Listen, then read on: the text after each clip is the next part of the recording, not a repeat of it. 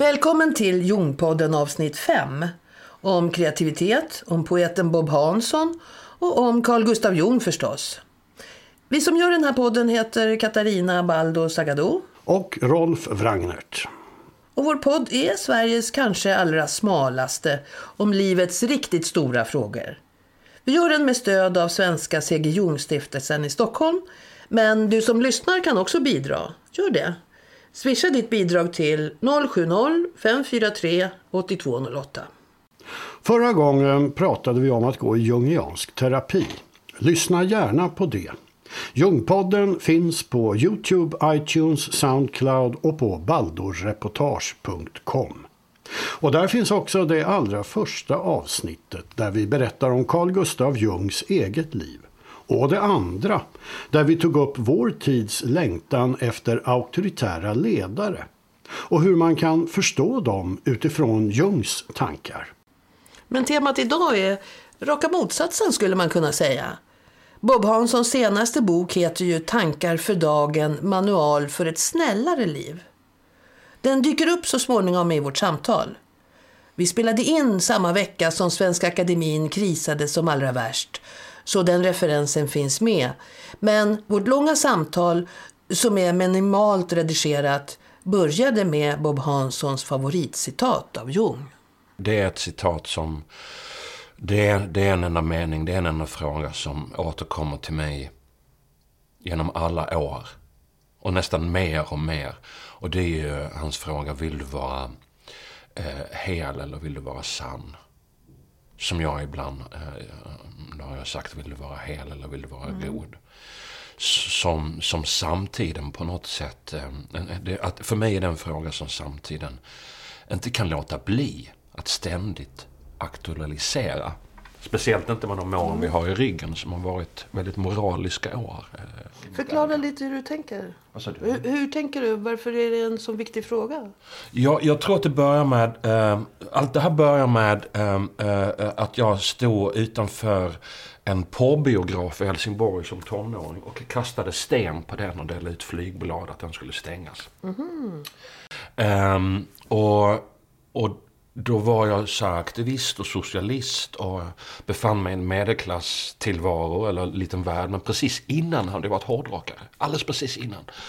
Så att fortfarande låg det liksom, då var jag emot på, men fortfarande låg det FIB Aktuellt hemma under min säng. Okay. Och de använde jag ju fortfarande. Okay. Fast att jag inte var hårdrockare längre utan emot porr. Och, och vi kastade sten och, och, och, eh, en liten rolig grej att det kom fram en, en gubbe till oss och, sa, och berättade att biografen hade varit stängd i flera år redan.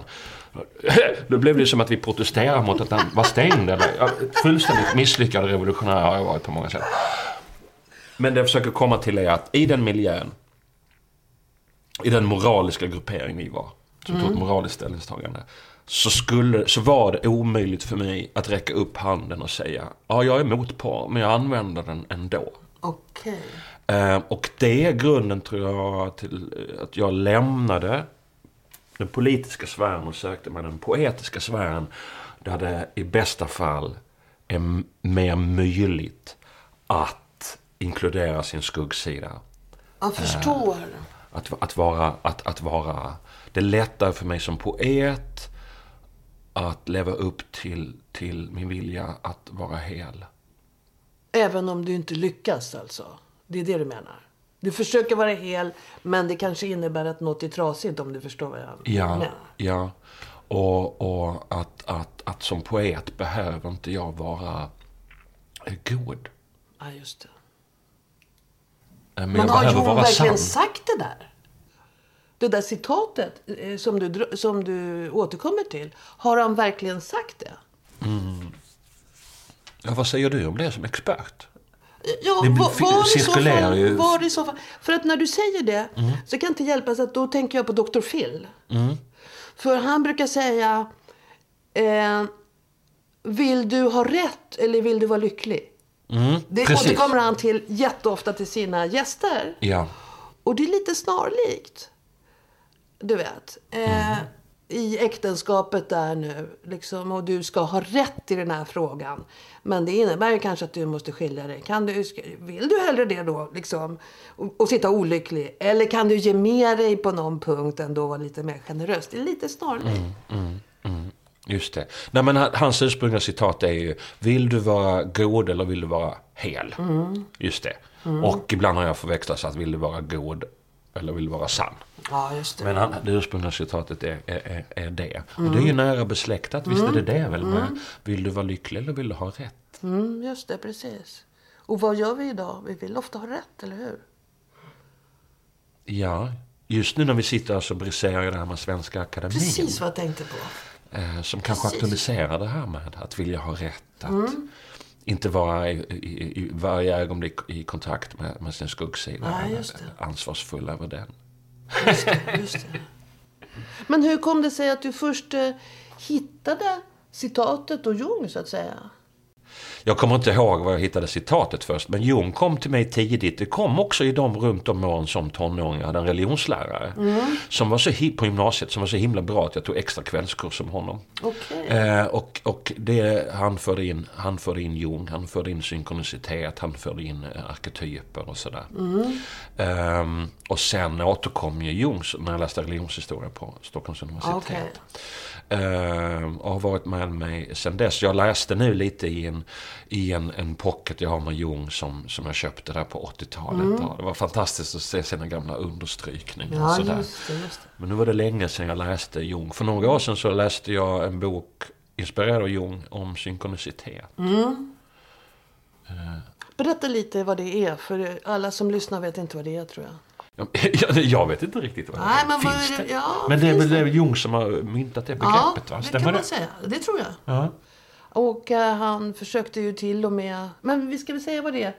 Eh, vad ska man kalla det för? Mm, sammanträffanden. Meningsfulla sammanträffanden.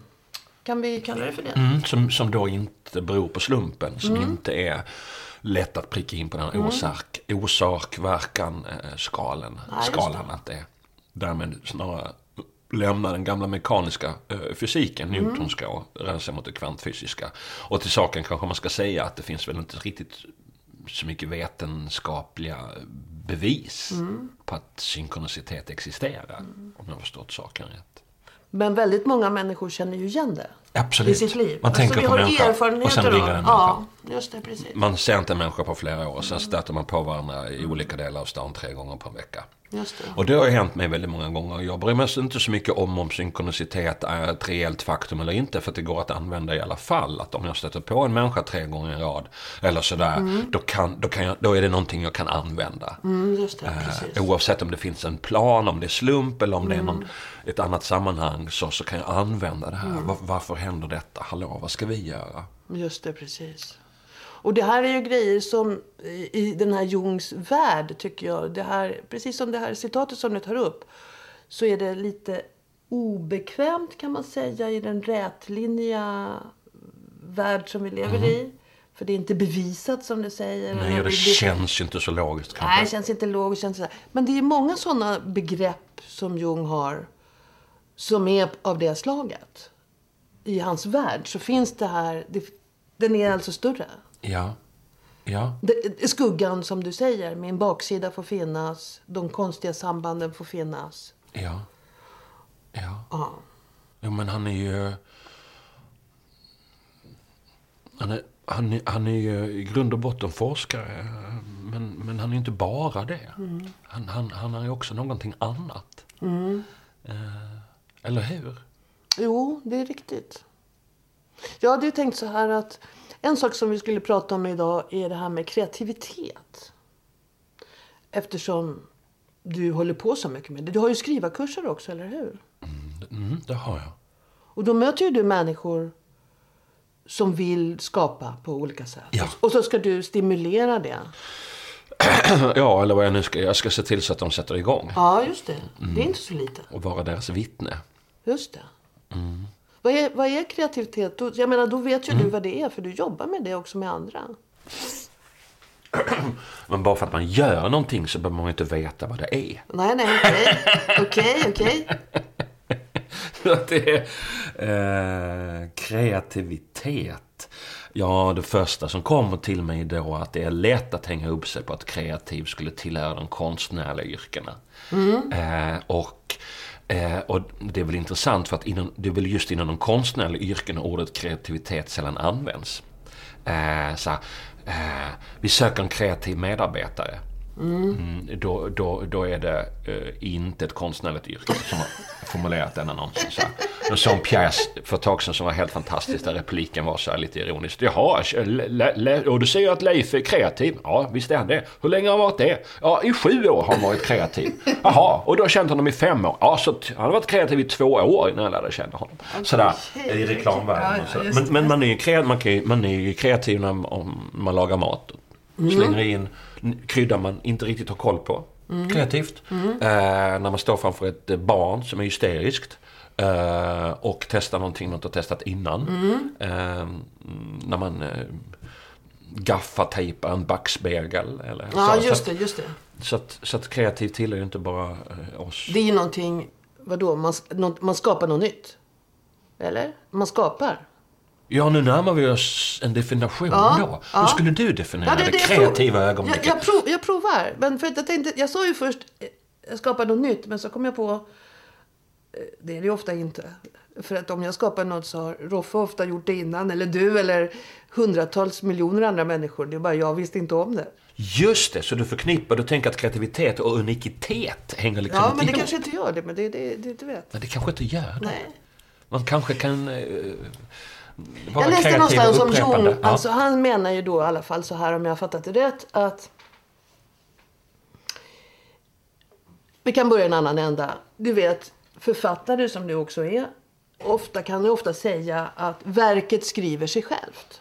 Mm, det kan hända ja. att det kan kännas så. Att romanfigurerna eh, tar över helt enkelt. Och Ja. författaren är bara ett redskap. Man skriver ner det som händer. Ja. Vad är det då som händer? Ja. Och då har ju Jung skrivit en del om just det, sådana fenomen. Och vad menar han då? Jo, att vi människor då får kontakt med arketyper. Så.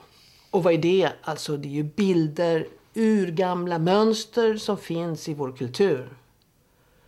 Så det handlar inte längre bara om mitt liv, utan det handlar om mänskligheten helt plötsligt. Jag har skrivit böcker som mitt intellektuella jag idémässigt har liksom nästan tvingat fram. och för mig är det ett rätt trist sätt att skapa på. Andra böcker har kommit till mig att inte vilket är ett befriande ögonblick när jag inte längre eh, skriver texten utan att texten snarare skriver mig. Eh, att, att glömma bort sig själv tycker jag är en av de mest magiska och upphöjda tillstånd som man kan ha som författare eller människa. Och min förra diktsamling som heter Grannsämjan är en långsam bödel. Den, eh, den, den skrevs från ett annat håll än mitt medvetande. Jag är inte ens säker att jag, att jag håller med eller tycker att dikterna är bra. Eller, Okej. eller på vissa sätt så tycker jag inte det. Jag har rent litterärt, men de är för mörka för mig egentligen. Eller så. Jag vill egentligen, min vilja vill ha andra dikter. Okej. Och jag hade skrivit en diktsamling som jag skickade in till förlaget och väntade på att de skulle kolla igenom den när den här andra kom. Men hur gick det till? Ja, inte vet jag. Men jag menar, stod du i köket och satte på kaffe eller? Satt... Nej, det var så att jag läste en annan poet, Bruno K. Öijer. Ja. Eh, Jag läste honom och sen... Och då började en, en... Då kom hans melodi, kan man säga, in i mig. Och förlöste någonting. Okej. som jag uppställ, upp, upplevde som fullständigt sant. Det är möjligt att jag inte gillar de här dikterna. Eh, Det är möjligt att de här dikterna inte gagnar min karriär. Eh, Men, men de här dikterna är det sannaste jag kan skriva just nu. Och det blev som en slutpunkt på en kris som jag som jag hade haft ett tag. Men, men kan du vara lite mer specifik? Se, kommer ord, alltså, Ser du orden i ditt inre eller hör du någon som säger dem? Eller? Nej, jag hör inte de som säger dem. Precis, Jung har ju pratat om när man kanaliserar det. Ja. Ehm, så. Mm, mm, ja, hur, hur, eller går du till datorn liksom och sen skriver händerna dem? Eller? Orden kommer ju som, som, som ord i huvudet. Och de, när jag var inne i den här fasen, alltså jag skrev då omfångsmässigt kanske tre diktsamlingar på, på några veckor. Okej. Eh, och det var ett fantastiskt tillstånd att vara i. att Nästan allt jag såg, nu överdrev jag såklart, men mycket av det jag såg eh, eh, blev dikt. Jag såg en människa gå förbi en vägg och det blev, det kunde bli en bild och en dikt av det. Liksom, hur, eh, hur väggen avundsjukt eh, tittar på den fria människan. Det här var ingen dikt, nu bara, det skulle kunna Jag, vara jag, för, jag förstår vad Ja. du menar. Okej. Och det var fantastiskt för att då hade jag också haft en medelålderskris som ju då, det är lite långtråkigt. Lite Nej, nej, nej, nej, nej. Nej men alltså att en medel, idag som medelålders bara oj jag tycker det är lite Ja, ja, okej. Det är inte lika spännande som när man var 22. Eh, men det hade jag haft i ryggen. Och då kom de här dikterna och gav också mig mening. När jag såg på världen och kunde göra dikt av det. När, när, när en slags magisk fantasi. Eh, en, när jag eh, mm, absolut kan säga att jag i, eh, hade kontakt med en arketypisk värld och den fick para sig med den vanliga trottoaren framför mig. Då blev mitt liv återigen meningsfullt. Men betyder det här att du i, under den här perioden, vad sa du, tre veckor eller något sånt där? Ja. Så var du inne i den här världen hela tiden? Inte hela tiden. Jag har ju barn och måste hålla på. Man måste hålla på. Men, men, men man kan väl säga att, att, att den världen var högst ett tunt draperi bort. Okej. Ungefär så. Och sen uh, mojnade det av eller? Sen var det färdigt. När du hade skrivit färdigt dina tre diktsamlingar? Ja, nu blev det bara en diktsamling i, i tryck liksom. Eh, eh, och, men, eh, ja. Ja. Så att en dag var det liksom klart?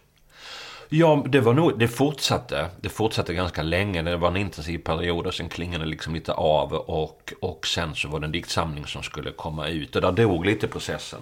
Tror jag, när jag förvandlade flödet till, eh, gick in i redigeringsfas och skulle göra just ett det. verk av Ja, det. just det, just Så att det var lite så att diktsamlingen dödade poesin. Mm, just det, jag förstår, jag förstår. Ja, du, förstår du det? Jag förstår, jag förstår vad du menar. För att det är olika delar av det skapande jobbet. Mm. Jag menar, det är ungefär som man tänker trädgårdsodling. Man kanske kan kasta ut fröna och så här. Men rätt vad det ska det rensas också lite. Ja. Jag menar, då Ja. får man ligga på knä och bara rensa ogräs. Det är inte riktigt lika kreativt. Men för Eller att hur? skönheten ska... Ja, den grejen behövs ju också. Klippa och klistra och så. Vilken fas föredrar du? Jag måste säga att det är ju roligast när det öppnar sig så där som du säger. Fast jag har inte varit med om det där. Men jag menar, för journalistik är ju ett hantverk, det är inte konst. Dagsverket av Bob Hansson. Till sist vaknade du upp. Tog känslan av att du har fått nog på allvar. Tog på dig din vita sommarkavaj. Gick ut i staden och ryckte loss husen. Stoppa ett efter ett ner dem. Stoppade ett efter ett ner dem i din ficka.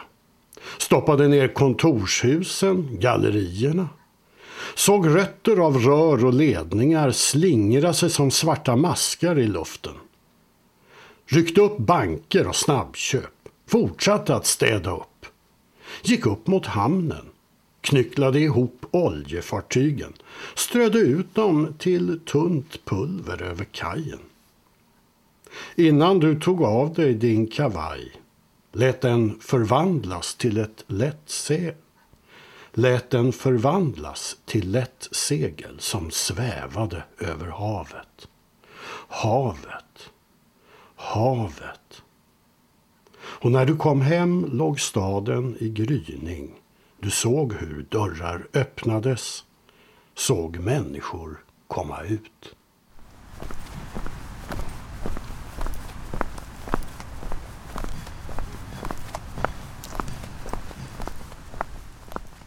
När jag har skrivarkurser så jobbar jag eh, bland annat efter en modell. eh, Alltså dels jobbar jag mycket med meditationer för att f- frigöra Det är härligt. Okej. Det är härligt med fria texter men det är också härligt med en friare människa. Och framförallt blir det mer spännande helg.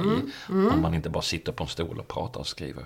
Men då har jag en modell där med- som, som handlar om att, ett skrivande som handlar väldigt mycket om att lita. Att lita på ens undermedvetande.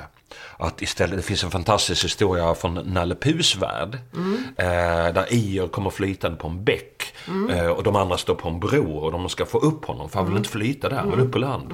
Och hur ska de göra? Och så säger någon, om vi kastar en stor sten så kan ju svallvågorna skölja upp honom på land. Ja? Och då säger förnuftiga Robin, nej det är för farligt. Vi kanske träffar Ior av misstag. Och då säger Puh, ja det kanske vi gör. Men om vi bara släpper stenen så kan vi inte missa. Är ni med? Då vet vi precis var den hamnar. Och ta sig med det in i skrivandet. Att inte kasta stenen utan att släppa stenen. Och det är ett sätt att skriva där, där man kan skriva en, en roman på, på några veckor.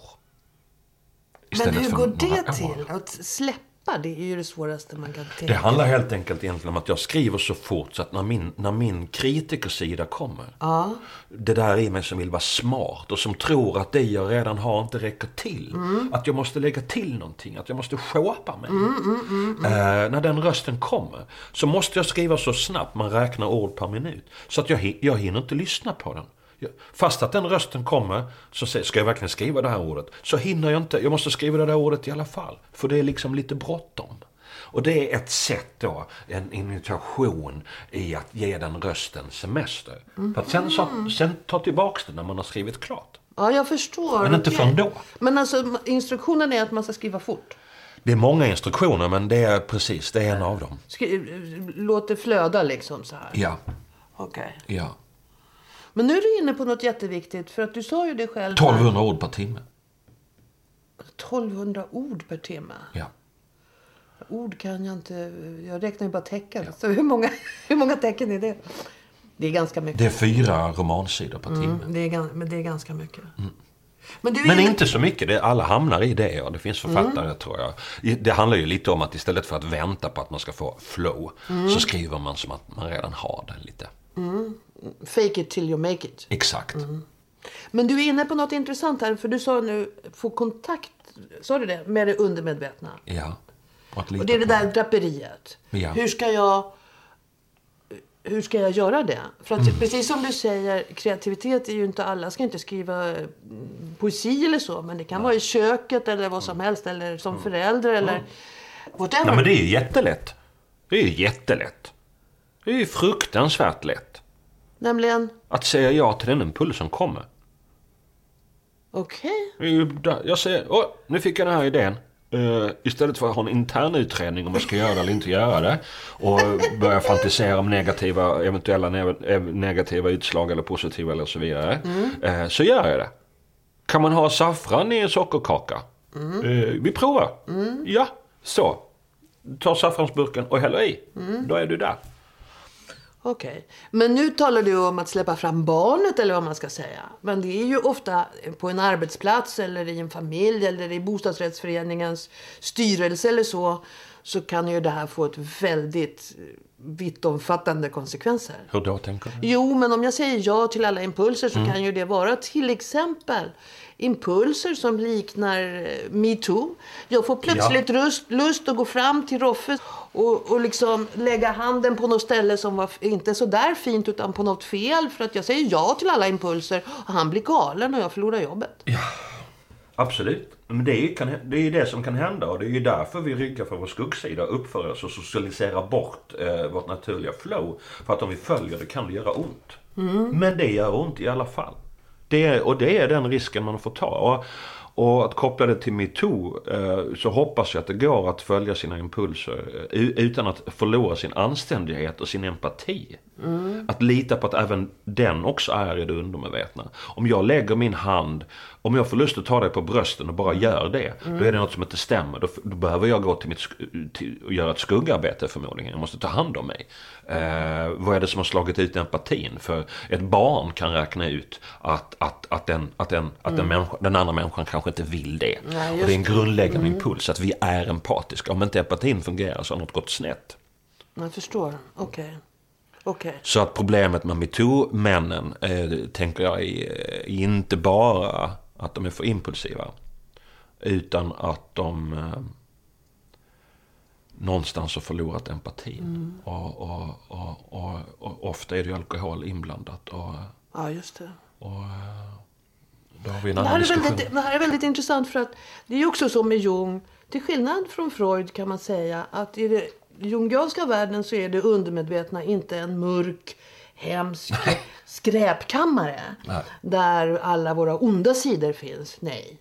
För nu säger du att eh, även i det undermedvetna, även i min impuls så kan jag ha empati. Och det betyder ju att jag kommer inte göra precis gränslöst vad som helst. Om jag tillåter mig att vara, släppa fram mina instinkter eller mina impulser eller så. För har jag kvar det här andra så kommer det ändå att balansera. Är det så du menar? Ja, det är i alla fall det jag hoppas. Ja. Just empatidelen är en av de delar av hjärnan som, som blir färdig sist. Mm. Runt 25 tydligen. Hur man nu vet det. Okej, okej. Ehm, så i alla fall efter, när man har fyllt 25 då. Mm. Och det har man. Men det är också kopplat till makt. Det är kanske ett stickspår. Men Ja. ju mer makt du- du upplever att du har, ju sämre blir du på empati. Alltså rent... Eh, jag kan trigga igång en maktkänsla. Att du känner att du har lite mer makt än nyss. Och sen då presterar du genast sämre på ett empatitest. Det, är det därför som läkarna är sämre i empatiutredningen när utbildningen är klar det. än innan? Ja, och att sköterskor är mer empatiska än läkare. Det kan absolut ha med det att göra. Det där borde vi lära oss mer om tycker jag. Ja, det är jätteintressant. Det, är- det, det här experimentet, då, då ber man människor, eh, två grupper tänka på antingen eh, människor högt upp i samhället eller lågt ner. Tänker på människor högt och sen får man uh, ratea sin egen makt. Var man själv är på skalan. Har jag tänkt på människor med mycket makt så känner jag att jag har lite mindre makt. Och tvärtom. Tänker jag på mm. uteliggare så känner jag att jag har ändå rätt mycket makt. Just det. Och de då som sätter det här krysset, jag har ändå rätt mycket, mycket makt. Ja, sen får de göra ett empatitest i bestående av att de ska läsa av hur en människa känner bara genom att titta på ett par ögon. Mm, okej. Och de som precis har fått för sig att de har lite makt blir genast sämre på att läsa av sin medmänniska på Men bara en otäckt. kvart. Så vad händer om man triggas i en maktposition år efter år som läkare eller medlem i Svenska Akademin?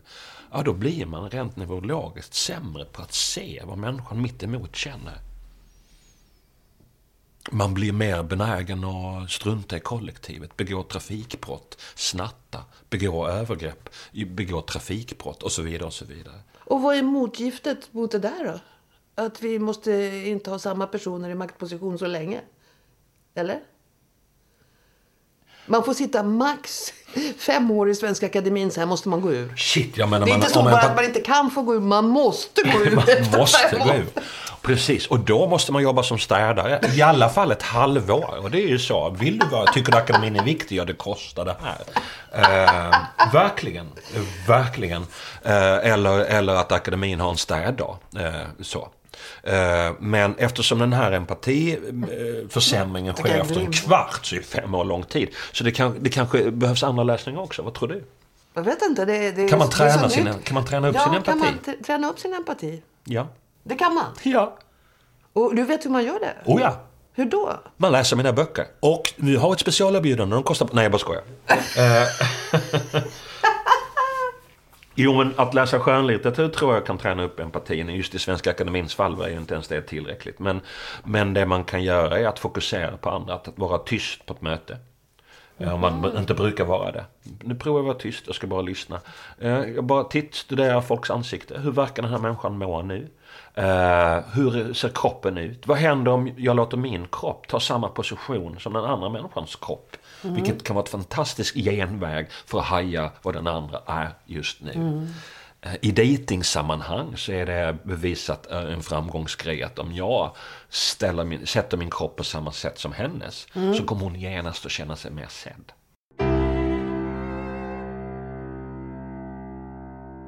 I en understreckare i Svenska Dagbladet från 2003 beskriver poeten och filosofie doktorn i litteraturvetenskap Tommy Olofsson Jungs syn på konsten i allmänhet och dikten i synnerhet. Och vi får väl förlåta Jung för att han hela tiden talar om diktaren som han. Det har ju snart gått 60 år sedan han dog. Enligt Jung skapar den verklige diktaren av ett inre tvång. Hans verk bemäktigar sig honom och driver hans penna att skriva saker som han aldrig skulle kunna komma på att uttala i ett samtal. Avskildhet är en förutsättning för att det omedvetna ska kunna bryta igenom medvetandets spärrar. Och i benådade stunder skriver författaren sådant som förvånar honom själv. Det är då visserligen det innersta jaget som artikulerar sig. Men detta jag verkar främmande, nästan som en annan människa. Diktaren får därför ofta en känsla av att hans verk är större än han själv. Och det är det också, menar Jung. Det är urbilderna som tränger fram, myterna ur människosläktets historiska magasin, det kollektivt omedvetna.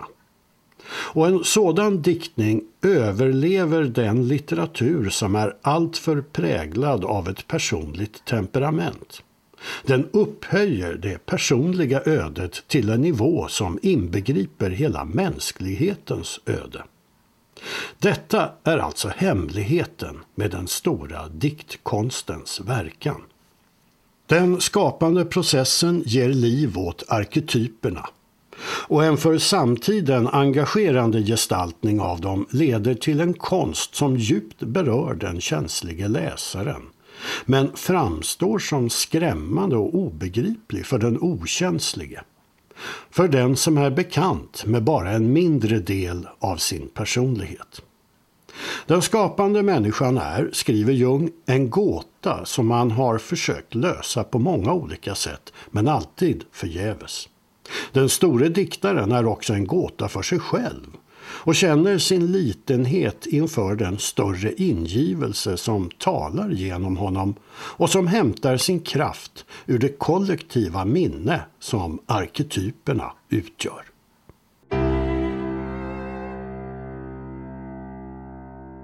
Din senaste bok handlar ju om att vara snäll.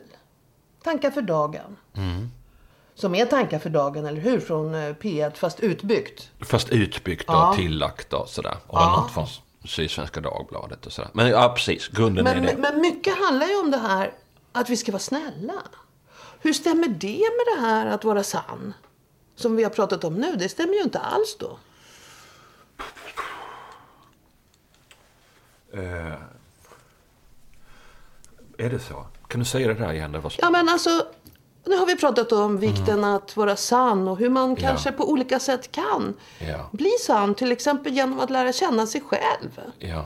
Och hur jobbigt det kan vara. Och att Ja. det är hur obekvämt. För att jag kan ju till och med bli en arg förälder. Tabu, farligt. Eller något. Och sen Mm. så skriver din senaste bok i temat att vi ska vara snälla. Ja, det- ja, då får inte jag ihop det riktigt. Nej, det, nu kommer du få en, alltså, i- på, på, en, på en nivå så kommer du få ihop det. Om du frågar mig om jag, om jag kan ställa upp och göra någonting till dig. Då eh, kan man ju missförstå att, att, att, att, att, att säga ja till det, att hjälpa dig är snällt.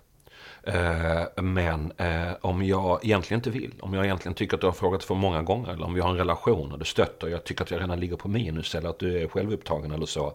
Men, men jag gör det ändå för att jag vill verka vara snäll, jag vill vara en snäll kille. Så kommer de aggressionerna gå ut över dig och bryta ner vår relation och öka distansen. Är du med? Så att det snällaste jag kan göra där är inte att säga ja utan att säga nej. Ah, Okej, jag förstår. Långsiktig snällhet. Och inte charaden och härmningen av snällhet utan, utan en djupare snällhet. Långsiktig snällhet, det tycker jag. Det, måste vi sätta in i Svenska Akademins ordlista. Det, det är det, det är årets nyord. Långsiktig snällhet. Just det, eftersom just Svenska Akademin har tappat lite det här med kortsiktig snällhet för ögonblicket så får de ju satsa på den långsiktiga. Ja, men det är väldigt bra. Eh, men, och det kräver ju att jag vet själv. Ja, och, och om det här är ytligt snällhet eller inte. Annars så kan jag inte svara ärligt. Nej, det måste vara lärt och det här är ju snabba grejer liksom. Mm. Det, det, här ju, kan ju gå snabbt. Man får en fråga, man ska Mm. besvara den och att då vara närvarande nog så att man lägger märke till det här nejet. Bara det, lägger märke till det då och inte sen. Och, och tar ansvar för nejet och tar risken att just nu kanske jag kommer att bli lite mindre omtyckt. Det. Så det är mycket man ska hinna med där på eh, ett litet ögonblick. Och det behöver man väl träna på. Men det gör vi i skolan. Eh, nej, just det. Det gör vi inte. där gör vi andra grejer. Ska jag läsa den här texten nu då? Ja, gör det. På en skola. Räckte, på en skola räckte en elev upp handen och frågade eh, mig då. Tror du världen är god? Tror du världen är god? Jag svarade att gråskalorna både är fler och nog mer realistiska. Men sen lade jag till att om man ska prata om ont och gott så tror jag världen är fylld mer av godhet än motsatsen. Och då räckte hon upp handen en andra gång. Hon var så artig. Men, sa hon, varför är då alla nyheter så fyllda av skit? Och då visste jag inte vad jag skulle svara förrän jag skrev det här. Varje dag hjälper miljoner människor andra människor. Varje dag blir någon tårögd av tacksamhet. Varje dag arbetar faktiskt tusen och åter tusen hjälparbetare över hela världen med ett enda uppdrag. Att göra världen lite bättre. Hälla in hjälp till dem som hjälp behöver. Det finns, det finns fler hjälparbetare än terrorister. Och de kommer inte få rubriker, men ändå gör de skillnad. I verkligheten är det sällan så mörkt som i rapporteringarna om den. Vi har alltid föredragit de berättelser som skrämmer oss. Det är ett aber. För vilken dag som helst i Sverige är det fler människor som lägger ner en peng i romens hand än som knyter sin egen för att slå. Och vilken dag som helst i världen är det fler som ler mot en främling ju, än som hugger huvudet av den. Ondskan, om den ens finns, är så ovanlig att den blir en nyhet. Godheten, om den ens finns, är så väldigt vanlig att den inte blir det. Bara i Sverige finns 370 aktiva hjälporganisationer. Medierna har aldrig skildrat det normala. Medierna rapporterar om anomalierna och det är just så det ska vara. Men tro inte för ett ögonblick att redaktörernas urval är tänkt att skildra verkligheten representativt. Hur många löpsedlar har det skrivits om hur normalt allt är? Hur många av världens prisbelönta journalister har riskerat allt för att gräva fram en fördold godhet? Nej, det kanske inte heller är deras uppgift. Det är ett jobb som du själv får göra.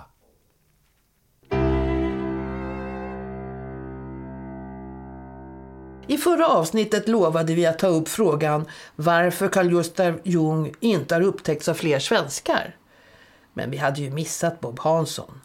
Hans senaste bok heter alltså Tankar för dagen, manual för ett snällare liv. Och så gick Avicii, Tim Bergling, tragiskt bort 28 år ung.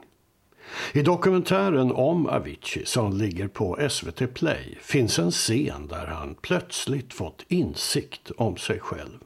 Han har just läst Jung och nu äntligen förstår han att han är introvert. Ett begrepp myntat av Jung. Men vad skrev egentligen Jung om att vara introvert eller extrovert? Mer om detta och Jungs personlighetstyper och om det berömda Myers-Briggs-testet handlar det om i nästa avsnitt av Jungpodden. Gå in och prenumerera på Ljungpodden på iTunes eller Youtube eller Soundcloud så du inte missar det. Ljungpodden finns också på Facebook. Vi hörs! Vi hörs!